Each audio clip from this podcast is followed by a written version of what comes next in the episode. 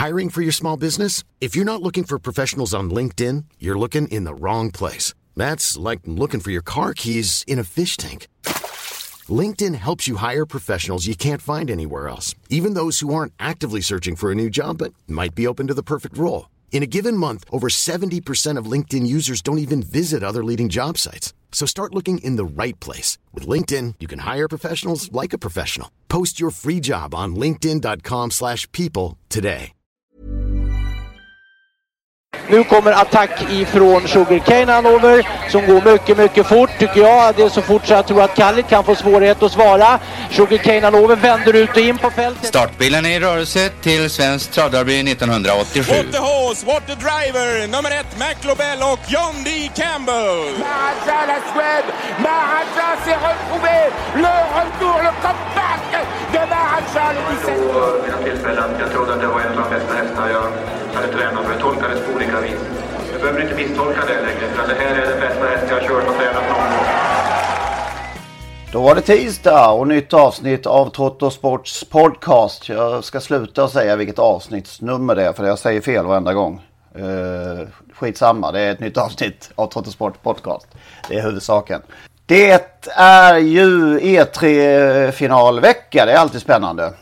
Eller hur? I Lennart Persson och Magnus Ståhlberg som som vanligt uh, omger mig. Visst ja, men det, ja, samtidigt så känns det som E3 har kommit lite i skymundan numera. Ja, det är inte som uh, vid en viss tid som vi ska gå in på lite senare i programmet. Uh, det har nog tappat lite som vi var inne på kanske om det var förra veckan. Inte riktigt samma uppsnack och hås kring det. Eh, vi eh, hajade till lite grann i veckan här när Svante Båt eh, laddade bössan i, eh, eller i alla fall deltog i eh, debatt, någon slags debatt i fackorganet Travronden. Han verkar vara väldigt emot utrustningshetsen på treåringar numera. Och därvidlag har han ändrat uppfattning eller? Alltså jag skrev en krönika i travronden eh, 2012 på hösten. Jag vet, kollade till och med upp vilket datum det var igår. 16 november 2012 var den inne. Och på den tiden var det ju så att man lämnade den på tisdagen eller onsdagen liksom. Och sen trycktes den då, tidningen på torsdagen och sen eh, hade man nästan glömt bort den där. När man kom till jobbet på fredagen. Och det första som hände då, jag tror jag var där kvart i åtta någonting. Eh, Colgjini vill prata med dig, var det första eh, ja, vad fan är det nu då liksom? Då hade jag skrivit om att tvååringarna, vi måste eh, dra åt, sätta stopp eh, för utrustningshetsen på tvååringar. Jag hade väl skrivit att det var osexigt med helstängt och barfota på dessa små individer. Och det första jag hörde i luren när Colgjini tar ton där så du har helt rätt. ja. Jag var ute på Åby med tvååring förra veckan och det kom en jävel flygande till slut. Helstängt barfota. Fy fan! så att eh, det var det så inleddes dagen. Men det kom också andra synpunkter. Jag vet Åke Lindblom vann lopp på Valla samma dag. Och i vinnarintervjun eller segerintervjun där så ja, beklagade han sig över denna hemska krönika som jag hade skrivit. Vad hette hästen? I saw her. Och den vann, den vann då på Solveig? Den vann då på 19, 19 tid. Barfota bak gick den såklart då. Eller var det enda och, loppet som gick det. Och vann ett lopp till under hela sin karriär. I Finland i 45 starten eller någonting var det. Dessutom då Svante Båt, när vi är inne på honom, ringer upp en kollega och beklagar sig också. Och som sedan hälsar att Båt är vansinnig på dig. Det här är alltså åtta år sedan. Så det har hänt lite sedan dess. Hur är, det, hur är det man säger när fan blir gammal blir han religiös? Ja, just det. Eh, nej men Båt, herregud, jag har alltid tyckt att han har varit sympatisk ska jag säga. Så att det är ingen, ingen, inget agg med honom på något sätt. I någon slags debattbräsch nu då har han gått för att dämpa farten för treåringar. Och han är inne både på vagnsidan och skosidan. Ja, och det är ju spännande. Båt är en dominerande tränare och har en röst som eh, hörs utan, utan eh, någon negativ klang i det. Eh, när båt säger något så lyssnar folk gissar jag. Ja det känns det ju som. Visst har det blivit eh, fler och fler har svängt i frågan va? Kan man inte känna så? Absolut, det, det, det märks i den här debatten att fler vill bjud, förbjuda framförallt barfotakörning som treåringar, för treåringar. Och så är det ju i Frankrike om jag minns rätt. Ja det är det ju. Och eh, dessutom kan man ju då diskutera vagn vagnhetsen. Det finns ju också någon utredning ny, nyligen som visar att, att uh, farten, det går fortare med de här ut, utan skor och, och amerikanska vagnar och vad det nu är. Så att det vore ju bra om man dämpar den där fartutvecklingen tycker jag. Och det tycker säkert många tränare också. Men sen finns det ju tränare som helt emot som alltid hänvisar till att vi ska bestämma själva. Ja. For, alltså det är ju... Man ska lita på tränarnas kompetens. Ja, travsportens folkpartister va. Man, eh, men de är ju fler i travsporten än i, i partiet så att... Eh, ja. Ja men det här kommer nu, jag, jag, vet, vi vet ju några som kommer säga att, att det, det, ska inte travförbundet lägga sig i utan det här det är vår kompetens eh, som ska avgöra. Och då kan man ju, kan man ju fråga sig vilka avgör dessas kompetens? Ja, I synnerhet ska man inte lyssna på någon journalist. Det, man kan inte räkna med att få någon cred för, för sådana här inte ens i, i backspegeln. Och det var ändå tvååringar på den tiden. Så det har gått åtta år och uh, det har ändå hänt en del på i... Ja, två, två, tvååringar är borta sedan några år tillbaka. Ja, det är det ju. Men, det är det ja. men finns det några ba baksidor med någon sån här form av reglering då kan man ju undra. Eh, rent, eh, vad ska man säga, tävlingsmässigt, ekonomiskt? Eh. Ja, ekonomiskt finns det ju, det är möjligt att det slår åt olika håll då i ekonomin. Men det finns, pengarna är ju detsamma att köra om det. Det finns ju de som hävdar att vissa hästar har problem med skor och slår sig och att det då kan vara grunden för att köra barfota för att de ska undvika att skadas. Och så kommer ju Tarzan med sitt eh, gamla het, argument eh, att de är födda barfota. Och det är, ja, det är vi alla eh, gissar jag. I alla fall är jag född barfota. Det är tufft att springa en mil på asfalt barfota. Jag, jag har inte ens provat det, men jag vet hur jobbigt det är med skor. Så att, alltså även om man är född bar, det det ska finnas ett visst mått av frivillighet i sådana fall hos hästarna och jag, jag tänker att, att, där ber vi dem ju springa mer än de vill ibland kanske. Så att eh, det där med att de inte har skor från början, det tycker jag inte är ett argument som talar för barfotakörning. Vad hette hon från Sydafrika var väl hon? Jag såg henne i Oslo Grand Prix en gång som sprang barfota. Ja, Sola Bud var det va? Var det det? Sola Bud. Jag bodde på samma hotell som henne men då hade hon skor på sig. Innan hon sprang på gatorna var hon barfota. Hon sprang alltså ett maratonlopp eh, hon sprang, all, ja, hon sprang alltid barfota tror jag. Ja, ja du ser. Han har rätt Tarzan. Ja, att vi att föds barfota. Nej, ja, det blir intressant att följa det här och då har vi ju det här um, som vi var inne på lite eh, för ett par veckor sedan var det väl med vår eh, kära ordförande i SD då. Som driver de här veterinärklinikerna vid sidan om, eller vad man ska säga. Eh, vill hon, vill hon eh, Står hon på båts sida undrar man i grund? Står hon på någon sida någon gång? Är det någon som har sett något förutom när hon tog ton mot Gocciadoro? Är det någon som har sett att hon har yttrat sig någon fråga den senaste tiden? Har hon sagt något om propulsion till exempel? Nej, hon håller sig vid sidan av. Det kan man faktiskt eh, lugnt påstå. Alltså är man ledare för detta travförbund och det krisar hela tiden så borde man väl stå på barrikaderna och eh, ha en synpunkt, eh, en åsikt, eh, tala om vad som gäller. Nej, det är någon stackars VD, en ny, ganska färsk dessutom, Maria Kronman skickar fram. Men din fråga, eh, ja, skulle det skada hennes ekonomiska intressen? Är det så du menar? Ja, kan det möjligen finnas i uh, en bromsningseffekt där. Så illa kan vi väl ändå inte tro. Nej, men, tror, men tror vi det? Ah, det, nej. Jag, nej, jag har så svårt. Det, det, vill jag ju verkligen Det gör jag nog inte heller. Men det, jag funderar ju på en sak där att ST sitter ju ändå på en, en enorm databas eh, vad gäller siffror på starter med treåringar med skor fram och bak och barfota. Det, att göra en, en, en rejäl datakörning och få fram lite uppgifter på hur länge, hur många starter hästarna gör och sånt. Alltså det måste gå att ta ut en massa siffror ur det här i alla fall och få någon slags underlag för, för att göra någon slags bedömning mot hur det såg, ser ut idag kontra säg 20 år sedan. Jag, tiden går fort. Jag kommer inte ihåg när vi började få de här hästskolsymbolerna i programmen, men det är väl 15 år sedan eller något va?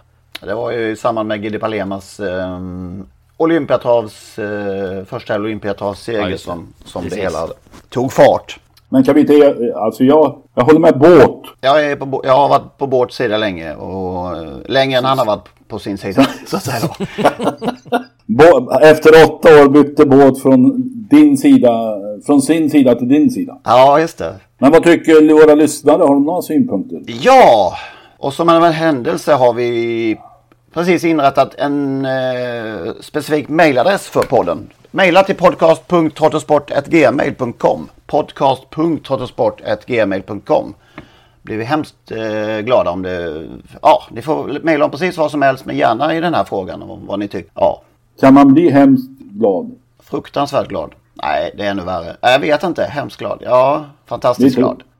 Ja, det vore ju kul. Jag tänker att det vore ju kul om man kom på något sätt ändå lite mer framåt. Nu har det varit en tid av insikt här, men man kanske måste ta ett ta någon form av steg till ändå. För jag, jag vill ändå tro att om, om SD skulle göra den där stora sökningen och eh, sammanställningen i sin databas, då skulle man nog få ett svar på att det är, vi får inte längre tävlande hästar i alla fall med, med allt för tidig barfotakörning. Det har jag otroligt svårt att se. Ja, men det, det, det, tror jag inte ens man behöver titta i databasen. Nej, det måste man inte göra. Det är ju självklart. Eh, vi, vi har ju tittat på hästar som har varit ytterst lovande som tvååringar som tävlat barfota, men när de kommer upp till fyra så är de inte slutvända. De blir inga stjärnor. Intressant exempel som du nämnde innan vi spelade, satte igång här, eller om det var igår. Eh, Verry Kronos, eh, Sandebåts häst, är ett tydligt exempel på en häst som då kanske till skillnad från tidigare årgångar för båt eh, tävlat med skor under hela treårssäsongen åtminstone. Ja, han är på väg att ta, ta ta steget in i eliten och där ser man ju fortfarande stor utveckling. Ja, för ska man vara lite elak då mot Svante så har han ju inte tidigare år tagit eh, så värst många hästar upp i, ända upp till toppen. Kanske dags nu då? Ja, det hoppas vi. Malabörs Circulås minns jag Den gick väl upp i toppen? Den har nog gått längst av alla ja, det får vi säga. Det ja. vi. Internationell stjärna nästan. Ja. Kriterievinnare och allt vad det var.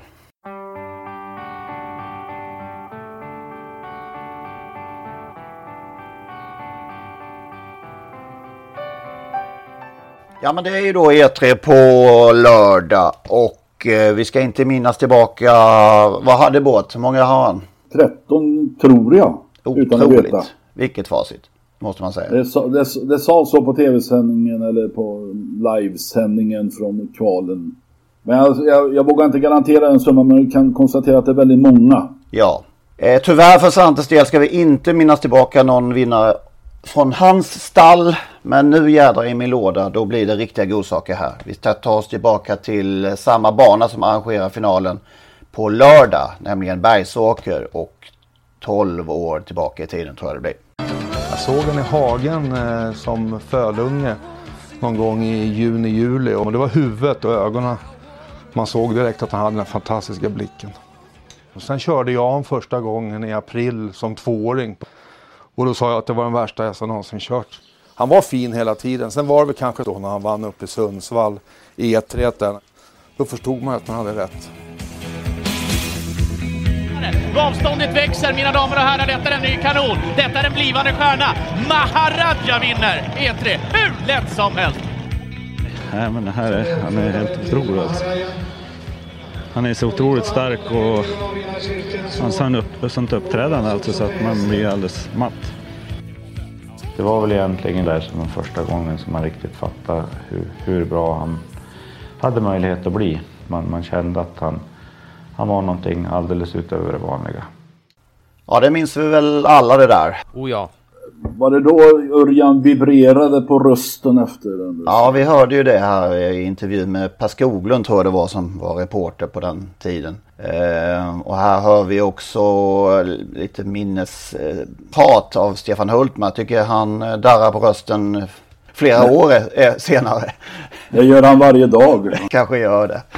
Kanske gör det. Men det, det, det var åtminstone, ju... Åtminstone om man ska tro kvällstidningarna så gråter han ganska ofta och vibrerar på rösten. Ja men alltså det, var, det som är häftigt är ju det, alltså Örjan är så otroligt berörd och det är ju väldigt tidigt i hästens karriär också. Vi vet ju alla vad som hände sen, men det här var ju bara sjätte starten Maharaja gjorde. Ja, och visst. han var helt, han som aldrig visar någonting i princip. Nej, det var ju det som, eh, som var grejen på något sätt, att han knockades totalt den där eftermiddagen faktiskt. Ja. Men det drogs ju slutsatser direkt. Det här är en blivande världsstjärna och det, det, det är ju sådana här slutsatser man drar allt för ofta och det brukar slå fel. Men här blev det ju helt rätt. Alltså, det blev ju så. Det var en världsstjärna som tändes.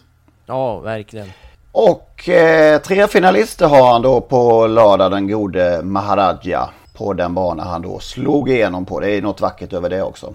Ja men där ser man, eh, även i aveln blev han en stjärna och det är ju väldigt få svenskfödda hästar. Eh, blir det stora avelsmatadorer. Eh, Raja Milch är väl en annan och det finns säkert några till men Maharaja kanske är nummer ett just nu. Mm. Jag får vara lite ärlig där och säga att jag inte riktigt trodde på honom. Jag vet inte varför riktigt. Det var väl lite hans knepiga ändå lite knepig aktion och, och uh, hans, hans skörhet. Uh, så jag vet inte, jag hade ingen riktig känsla för Maharadja inför avelskarriären. Hade ni det?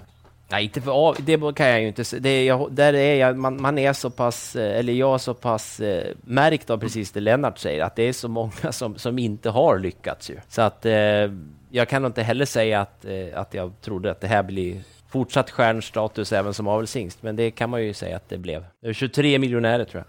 Ja, det är ju fantastiskt på ganska kort tid dessutom. Ja, jag tror att den första kullen är väl född 2013 va? Jag tror det. Um... Ja, det är enastående. Ja, och sen är det lite kul det där, just vi pratar ju E3, att, att både mamman och pappan till Maharaja är ju E3 finalister, varav den ena då, Viking Kronos, till och med vinnare. Chili Khan var ju mamman, det var väl Ola Hansson va? Var det inte det? Jo, det var det nog ja. Den köpte väl Hultman. Hultman köpte väl den till medmamma då. Låt mig säga det apropå finalister heter hon Barbro Kronos, eh, en av favoriterna. Så jag påstod kanske förra veckan att någon annan häst var efter eh, Fama Curryt. Men det var Barbro Kronos som är efter Fama Curryt. Lillis, Lillis hörde av sig och påpekade detta. Blixtsnabbt. Det är trevligt för då vet, han, vet man att han sitter, eller hänger på låset för att lyssna på podden. Ja.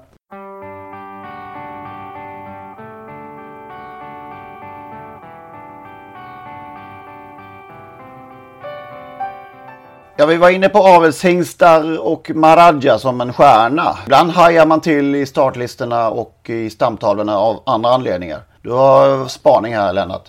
Ja, men jag tittade i söndags var det på Kalmar V75.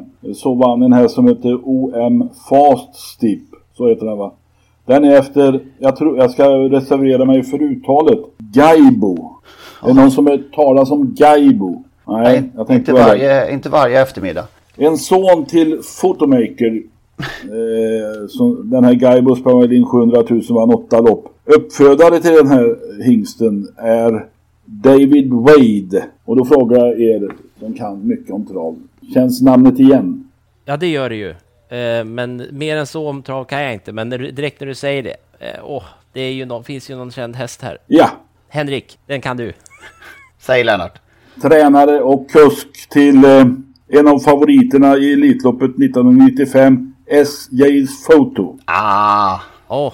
Ah, vad dåligt. Vann ju försöket och eh, galopperade i, i finalen. Var det inte i ett bra läge också när den galopperade eller var det från start? Ja, det var tidigt. Och det var alltså det berömda duell. Ja, det var, var det någon duell egentligen. Men Kopiad vann före Sogin. Och Sogin stod i 15 gånger och LC's foto i 3 och 10.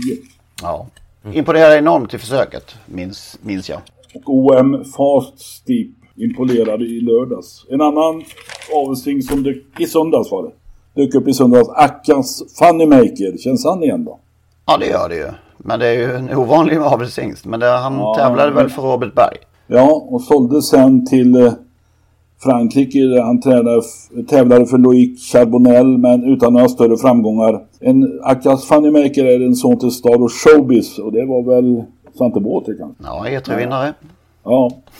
Och Lucky Base vann ju eh, belgisk född efter den här Akjas Funnymaker. Men man kan säga om man struntar i pappan eller stammen så gläds jag faktiskt där Hans Krebas kan åka till sin gamla hemmabana. Han är numera på Aktuell och vinna Kalmarsundsstejen på ett eh, imponerande sätt eh, med ett gans, en ny häst, ganska ny häst han har fått från, från Belgien han har sitt bästa år på gång. Han körde väl in 600 000 och sånt där de två senaste åren. Och upp i 900 000 nu och eh, då har vi ju bara passerat, inte ens passerat halvåret här. Hans Krebas. Starka papper. Och kul, han är, verkar vara en sympatisk människa. Krebas var upprörd för några år sedan, det minns du Henrik? Ja, han eh, är ju var i alla fall. Nu vet jag inte om han har bytt lag när han har flyttat. Nej, det tror jag inte. Så gör man ju inte. Eh, stort fan av Växjö Hockeylag. Och, Vä vad heter de? Växjö Lakers? Ja, det där hockey vet du. Eh, med Växjö. Eh, stod ju, alltså gick på matcherna, alltså var hängiven supporter. Det är inte många som trav människor som som kan stoltsera med det tror jag. Eh, borde vara given att få den här, om ni minns att det har funnits ens, eh, rikshäst, eh, SHL-rikshästen. Som istället då gick till, eh, jag tror det var Anders Zachrisson på Kalmartravet som knappt visste vad Växjö HC var tror jag. Eh, så det, det kändes jättesurt och konstigt då. Vad tog de vägen förresten? Rikshästen? Ja, de gick väl över någon sponsring till eh, hockeyligan där och sen dog väl det ut. Och ATGs engagemang, eh, sponsorskap i hockey, i hockeyn blev väl, eh, ja, det får man väl säga blev ett fiasko. Mm. Men det är ingen som eh, föll helt i glömska det där? Eh, ja, de skulle väl ta någon timeout där, paus med, med eh, hockeyhästen eller den här eh, grejen då. Men det har inte kommit tillbaka. Det är ingen som orkar ta tag i gissar jag.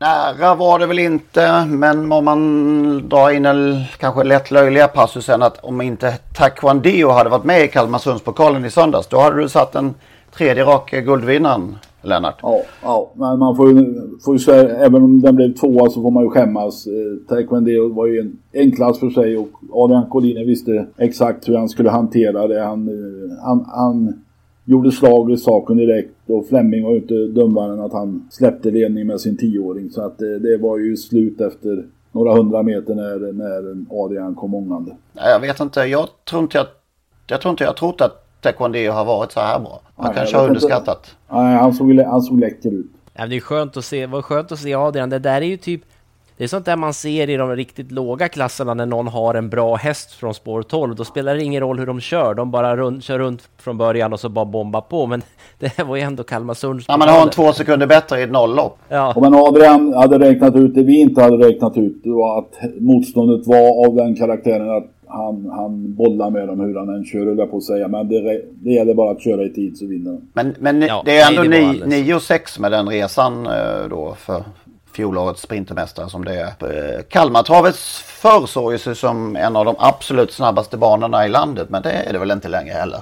Nej det vet jag Gävle brukar ju pratas om och sådär men... Gävle och Färjestad och... Alltså det var ju ändå så att Taekwondo var en av favoriterna i Elitloppet. Ja visst. 200 kvar händer någonting. Eh, någon slags eh, lyft av körspö och eh, vi vet att han fick 3000 i böter. Det har han inte tyckt eh, har stämt. Ja, han ska bojkotta i god Colgjini-anda. Så ska han bojkotta Kalmar i fortsättningen. Ja, det, var, det är lite humor faktiskt. Har han, har han en poäng då i um, själva straffet? Ja, jag tittade men jag kan inte hitta något. Men jag är ju lite... Ja, det är ju en liten enahand, enahanda tycker jag då. 200 meter från mål. Vad, vad, vad känner du Magnus? Ja, alltså, det, det är väl bara just den, vad det nu är så är det väl den de dömer för. Men jag, jag vet att när jag såg loppet live så tänkte jag, vad gör han? Det såg inte bra ut när jag såg det live, men sen när jag tittar om så vet jag inte att det är mer att han gör någon rörelse som möjligen kan se ut som en enhandare, tycker jag. jag. Jag, tycker den är väldigt svårbedömd. Den är ju liksom inte, det är ingen klockren enhandare i alla fall. Och sen gör han ju ingenting. Nej, sen sitter han ju still, så det är ju den. Det måste ja. ju vara den. Ja, det måste det vara. Och den, är, den tycker jag inte är, är särskilt... Eh, det, det, är mer en, en, rörelse för mig, inte att han, alltså att han gör något annat och att spöet rör sig. Det, ja, jag tycker nog det är en liten puff i alla fall. Men, men frågan är om man ska ha 3000 i böter. Det är väl, ja. Om vi då jämför med eh, ett annat lopp som kördes förra veckan i Frankrike. Nu vet jag inte vilken bana det var. Men eh, där har, fick, blev det ett annat bötesbelopp för en kanske aningen eh, hårdare drivning. Det har du koll på Magnus? Ja, det kan man, ja, det kan man ju säga. Där, där får alltså, om vi ser, ser vi till, till Kalmar och, och, Adrian där så får han alltså 3000 för ett slag. Som, som, vet, som inte ens vet vad något slag. Nej, precis va, exakt. Eh, ett tveksamt slag om det finns sådana då. Men, men Gabriel Gelormini som, som eh, vann eh, det här Moré de Bretagne i, i Frankrike, han, eh, han, han slår alltså, det, det är ju liksom ingen, det är klockrent minst 13 rejäla enhandare på, på sin häst eh, och fick 80 euro i böter. Så att det, är inte riktigt lika mycket kan man säga. Vad var första priset där? 33 750 euro. Det var alltså betydligt mer än i Kalmarsundspokalen. Ja, det kan man säga. Eh, och det är ju alltså... Dubbelt så mycket. Fruktansvärt, ja, det är fruktansvärt att se på alla sätt och, och, och, har, tycker jag, inte heller riktigt uppmärksammats efteråt. Det förvånar mig lite grann, för det här är, sker i lopp och det var ändå ett lopp som var hyggligt uppmärksammat eftersom Clean Game var med där och eh, gjorde bort sig nu då. Eh, men, men det är ju fruktansvärt att se. Eh, och sen 80 euro i böter eh, är ju, det är ju ett hån mot, mot alla som, som värnar hästen och, och, och nej, jag vet inte. Jag tycker det är fullständigt bedrövligt att se 2020. Travsporten kan inte ha det så. Eh, det kommer inte att hålla i längden. Det, travsporten kommer att granskas mycket hårdare framöver. Ja, det är väl då igen då med den här harmoniseringen av eh, reglementen som, och samsynen mellan länder som inte, som inte finns och som går oerhört sakta. Om ens, om ens med styrfart. Ja, och då är vi tillbaka igen på UITs ordförande här då. Här om någon gång måste man, det är ju inte ens kontroversiellt att ha en åsikt i frågan. Nej. Man måste ha en åsikt i frågan och den, den ska vara jäkligt skarp alltså. Okej, okay, om, om, om vi inte kan uh, ha någon, kan tjata för mycket på amerikanerna så borde de här stora europeiska travländerna ändå kunna hitta en lösning någon gång. Ja, det är en from förhoppning. Nej, men man blir så illa berörd. Jag tycker det är liksom det, nej, det funkar inte jag tycker inte om den här sporten om, om vi inte får bort det. Och, och, även om det såklart har blivit bättre, det får man ju inte glömma bort, men, men eh, det mesta i världen blir ändå bättre med tiden. Alltså, det, om jag minns rätt är det på bara stenhårt i mål så sannolikt avgjordes loppet tack, eller på grund av, ska man säga. Dem. Jag kommer ihåg, jag, jag kommer ihåg ett lopp i, Norge för jättelänge sedan. Perfect Rib vann eh, Jarlsbergs eh, Grand Prix eller något sånt där. Frick mot Habib och Toresen och det var alltså stenhårt i mål. Eh, jag stod på läkt eller på taket där ihop med ägaren till Perfect Rib, eh, Växthus Karlsson och några till. Och, men vi var övertygade om att Jim vann loppet. Men det tog oändlig tid innan resultatet kom och vi undrade vad i tusan håller de på med. Men det visade sig alltså att de studerade eh, filmen många, många gånger för Frick boxade sin häst i rumpan på upploppet och det var det de tittade på. De var ytterst nära att diska honom för just den här drivningen eller vad man kallar den. Okej, okay. ja, det var intressant. Det har, kan man det höll jag på att säga. Ja, uppenbart kunde man det i Norge då. Då i alla fall, ja. Det fanns ju inga spön att diska med, men man kanske måste komma dit att man diskar för hästar när de drivs för hårt. Ja, det är en intressant tanke, verkligen.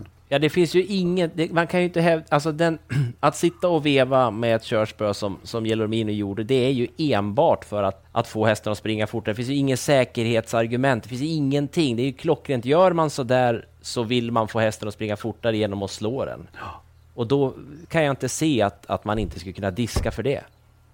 Ja, jag har, så långt har inte jag tänkt faktiskt, måste jag säga. Det är ju en väldigt uh, väckande tanke. Det finns ju ett argument då som jag har sett där att, att det skulle ju då drabba, drabba hästägare och spelare då. Men jag vet inte, vi måste väl ändå börja igen den hästen ändå. Slagen drabbar ju hästen och det, det vill vi få bort. Så att eh, spelare och, eh, och ägare får väl tugga i sig det i någon övergångsperiod. Den borde inte bli allt för lång. Nej, men det är ju enkelt. Man får ju ha kuskar som inte använder spöet på felaktigt sätt och spelarna får ju fundera över vad de spelar på. Eh, det är ytterligare en aspekt att ta till sig som spelare. Eh, sen finns ju prispengar går ju till andra förvisso då men eh, det är ju mycket enkelt. Mycket enkelt alltså. Det är ju samma idag. Hoppar en häst i mål så får tvåan, eh, spelarna blir spelpengar blir omfördelade eller om man dis diskar för en tveksam eh, incident, trängning på upploppet. Mm. Eh, så att eh, det spelar nog ingen roll tycker jag. Det kanske är enda sättet att komma åt det här. Ja, visst. Sen kanske det är ett svårt instrument för domarna. Alltså de har ju fullt upp med allt annat och klarar det. Ska de ha ytterligare en... Ja, Ja, man tänker, tänk det plingar till i högtalaren efter målgång i kriteriet. 4 miljoner i första pris. Vi får dröja något med resultatet nämner väl eh, studerat drivningsaktiviteten på upploppet. Ja, ja det är svårt var gränsen går där och, och då kan man ju gå tillbaka till Taekwondo. Hade han, skulle han riskerat att bli diskad för den där eh, händelsen som domarna uppenbart uppfattade som en drivning? Ja, ja, ja intressant eh, diskussion ändå.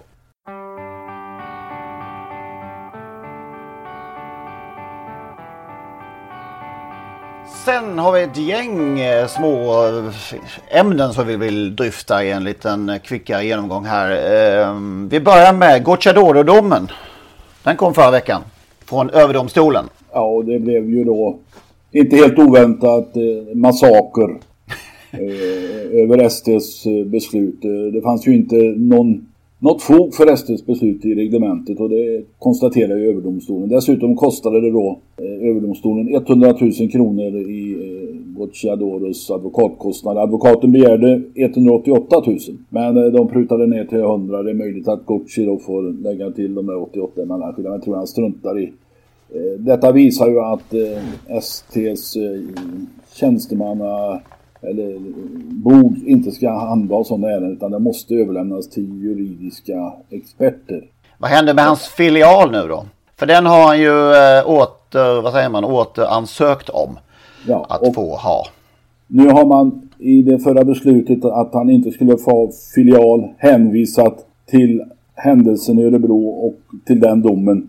Och den domen är uppröjd och då finns det inget att hänvisa till. Och ska man då hänvisa till tidigare händelser, det har man ju inte gjort tidigare, då kan man ju inte komma och åberopa det helt plötsligt. Nej, och då är vi där igen då med det tidigare händelser i andra länder. Ja, men då skulle man ju tagit, alltså man, det här beslutet kom ju efter domen, senaste domen som blev uh, undanröjd.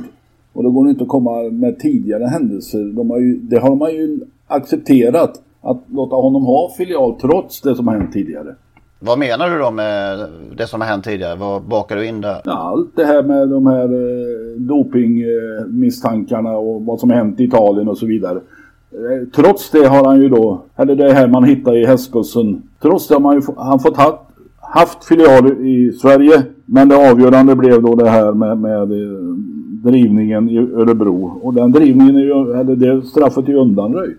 Jag känner du Magnus? Nej, men jag, jag ställer mig bakom Lennart här. Det blir ju det blir väldigt, väldigt konstigt om man, om man har bortsett när han har fått ha sin filial så bör man ju rimligen redan då ha tagit ställning till det som har varit och inte bedömt att det är, är tillräckliga skäl för att inte låta honom ha en filial. Då kan man ju inte plötsligt... Det är nog många som tycker att han inte ska ha filial i Sverige. Men, men vad vi tycker är en annan sak. Det är juridiken som gäller och jag har väldigt svårt att tro att svensk travsport tar risken att hamna i EU-domstolen som skulle kanske kosta många, många hundratusen. Med en given utgång dessutom. Förmodligen. Don Fanucci Zet.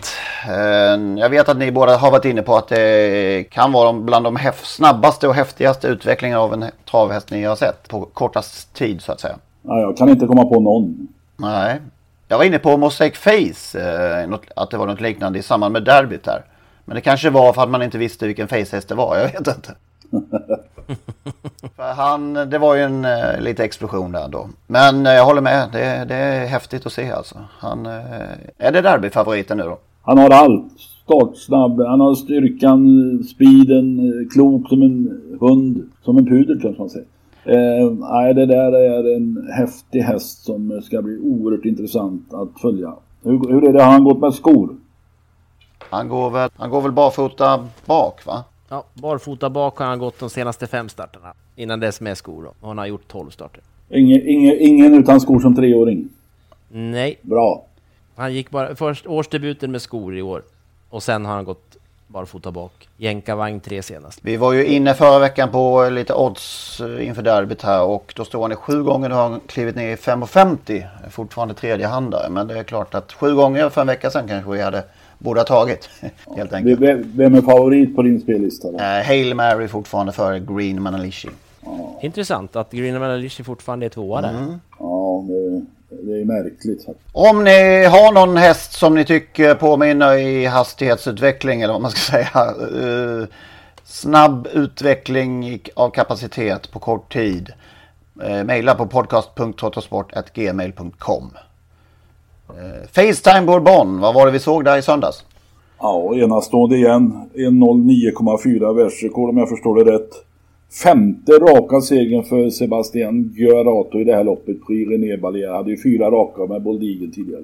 Ja, just det. Eh, Facetime Bourbon ja, betraktas väl kanske idag som världens bästa travare och jag ska inte säga emot.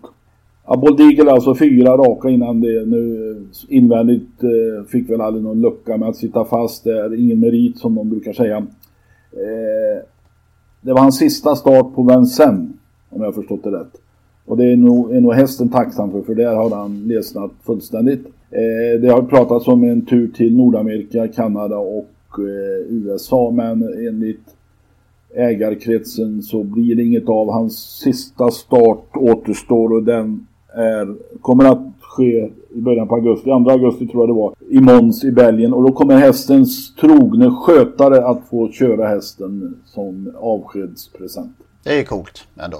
Ja. Ja, det känns eh, mer sånt. Kul.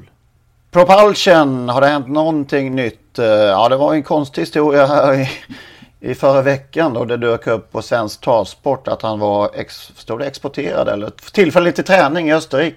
Tillfälligt för tävling. För tävling till och med, just det. Ja, det var ju det Får man, får man tävla i Österrike om man nervsnittar eller något som vet det? Just det. det, det, eh, det kanske var det de ville testa. För det var ju ett test. Det var bara ett test. Det var kul, förklar kul förklaring här från Petter Johansson, sportchefen SD i travronden. Eh, syntes det på fler hästar eller var det bara Propulsion? Och varför just honom? Nej, enbart Propulsion. Det var en slump att det blev Propulsion. Det kunde ha varit vilken häst som helst i hästsportsystemet. Men vad, vad, vad var det de testade? Ja, jag vet, jag vet inte. Det är oklart. Nej, ja, det, men där kan man ju ha, man kan ha många teorier. En är väl att de ville helt enkelt se vilka uppgifter i vårt interna system är publikt, så att andra kan ha sett det. Kan någon ha sett en uppgift någon gång som man inte vill att någon ska se, men som någon har sett och skulle kunna motsäga den här spännande utredningen när den kommer? Man kan ju bli elakt ändå fundera, för som sagt att slumpmässigt... Två och en halv miljard hästar finns det i det jävla sp- sportsystemet. Men just nu när vi eh, utreder Propulsion så lyckades det hamna även på honom i det här fallet. Och om man, Ja, men det är ju- om, om man nu slumpmässigt lyckades hamna där, vilket är fantastiskt, så borde man på bara några sekunder raderat bort det. Ja, det kan man också känna. Man måste, man måste ju inse att folk tittar på Propulsion varje dag. Många gör det. Och framförallt Anders Lindqvist, han gör det varje timma. Nej, men det, och, och vi som har pratat om det här förtroendekapitalet hos ST, alltså eh, min sambo eh, konstaterade att de verkar ju inte särskilt smarta där när de gör en sån här grej. De verkar ju inte veta vad de håller på med. Eh, och det tycker jag var en ganska bra sammanfattning. Och sen ska man vara lite allvarlig, alltså Daniel Redén har ju inte lätta dagar. Det är inte schysst tycker jag att han ska dessutom få en massa påringningar och sms från folk som då börjar undra vad har du, vad har du gjort nu? När det då bara är ST som sitter och leker. Det, det ju, finns ju ett allvar i botten. Det är ju en jättejobbig grej från början det här. Så jag tycker att, att eh, nej, det, det, Psykologisk krigföring från SD mot eh, Daniel. Eh, Månprinsen mot Odd Herakles på lördag på Bergsåker va? Häftig Ja. kamp. Vem vinner? Ja, rimligtvis vinner väl Odd, Odd Herakles som verkar oerhört bra just nu. Samtidigt som han gått flera tuffa lopp på slutet och Gunnar brukar ju kunna locka fram lite extra när det gäller. Han har lockat fram en ny stjärna på himlen också. Ja men den där Månlycke AM, det är ju en son till Månprinsen då. Eh, ser så jäkla läcker ut alltså. Det, när, han är väl bara sju år eller något sånt där. Så han har ju många år framför sig och Gunnar har många år framför sig. Så här kan, kan det alltså eh, dyka upp en ny häst som går upp i högsta klassen mot de bästa. För han ser så läcker ut tycker jag. Och vacker. Han har allt den där hästen. Jag tror Jan-Olof Persson tränade honom tidigare. Det inte så Magnus, du som är på det Ja, jag som är kall, blev jag kallblodsexpert här nu Ja, också? Ja, jag vågar inte säga det. Jag, jag tänkte bara hänga på där vad det gäller vad gäller det, det, den här skönheten. Alltså det, den har ju den här mysiga egenskapen att han, han rör sig vackrare och vackrare ju fortare han springer också. Han, han blir liksom en bättre och bättre häst ju fortare han springer. Det får ett rörelsemönster som jag verkligen gillar. Han ser ju inte jättemycket ut när han snurrar runt i, i- i startvolten där, men, men det händer något när han får upp farten. Gunnar Melander var den första tränare jag ringde för en eh, tränarintervju. Det, det, visar, det visar ju att han har varit med några år. Ja, precis. En söndagkväll på guiden, då var jag lite nervös. Men han, Gunnar var eh, mycket vänlig man. Så han eh, löste mina nervknutar på, nästan på en gång. Stefan Melander har fem hästar till start i lopp 1 på Valla ikväll. Eh, bakom startbilen har han med sina hästar fått spåren 7, 9, 10, 11 och 12. Det är ganska starkt. Det är bra fyra. Alltså hur kunde de missa att genom spår 8? ja, man undrar ju. Faktiskt. Ja, otroligt. Ja, det var en liten parentes. Nimbus CD till sist vann lopp igen. Det hajade vi till lite på. På Visby va? Eller i Visby. Ja. På Skrubbs. Skrubbs låter bra. De måste ju ta tillbaka de här gamla mm, barn, riktiga barnnamnen. Skrubbs, Torpgärdan, eh, vad är det mer? Marieberg. I Örebro. Sund, Sundbyholm, de kanske har det fortfarande. Ja, de har väl fortfarande. Men de, ja, de gillar man ju. Skytte i Arvika. Skytte. Just det, ja precis. Vet, vet du vem som är ordförande i Arvika travsällskap? Arvika, ja. Är det Slätt? Ja, Andreas Slätt. Ja, men Lennart och Henrik här, nu har jag en fråga till er. Eh, vad har Rose Run Sydney, Maxus, Dwayne Seth, Konrads Rödluva och Mr Hercules gemensamt? Ja, Daniel, Daniel Redén tränar. Ja, det lät mycket stallsett över det. Det är väldigt rätt, men det, det, finns, det finns en viktig person till här i, i sammanhanget och det är skötaren som är samma, nämligen Ninni Gardelin. Eh, och den som följer svensk travsport vet ju att de här fem hästarna har alla på kort tid vunnit lopp. Ninni har sju passhästar, varav de här fem. Det är rätt eh, spännande hästar att sköta om. Otroligt. Alltså man undrar ju, det kan ju alla sköta då som lyssnar på det här. Har det funnits någon skötare som har haft en eh, kvalitativt bättre eh, septett, blir det då? Sju, har de sju hästar? Hon har sju mm. hästar, ja. Man kan ju tänka sig att hon konkurrerar med någon annan skötare hos Daniel. Möjligen det här då, men, men annars fantastiska. Kan ju tänka mig att de hos Stigo förr i tiden hade men de hade i regel fyra, sköt, fyra hästar per skötare av de här som stod i finstallet. Men eh, det var säkert någon där som hade fyra eh, stjärnor. Sirocco kanske har haft en hygglig... Sirocco kan mycket väl ha haft det. Alltså. Ja, kul. Eh, hon måste vara nöjd med sin tillvaro. Det måste vara lätt att vara hästskötare när, när både med sådana hästar och med sådana framgångar naturligtvis. Ja, trots då eh, historien med Propulsion som kanske har satt sina spår på personalen där ute. Ja, men man kan säga det att, att eh, Daniel Redin, eller i alla fall Stallset, har ju kommit tillbaka till sociala medier igen och skriver ju, uppdaterar ju även sin, sin webbplats där, där han inledde första inlägget efter lång tid med Livet går som bekant vidare. Så att, och det har vi ju sett att hästarna startar ju på. Jag såg den, jag såg den där tweeten. Propel, propulsion forever. Just precis, det är det nya, nya namnet på, på kontot. Eller ja, det är en del av namnet på kontot. Mm. apropå att, psykologisk krigföring. Ja. Ja men ska vi gå ut så då kanske? Propulsion forever. Så uh, mejla oss gärna på podcast.trottosport.gmail.com och eh, också väldigt gärna får ni eh, sponsra oss på, eh, via Patreon. Man går in på patreon.com, söker på Henrik Ingvarsson, då kommer Trottosport podden upp och så går man in vidare där och så skulle vi vara jättetacksamma. Då får alla ha en fin vecka i sommarvärmen. Tack för det. Tack för det. Hej! Hej! Hej då!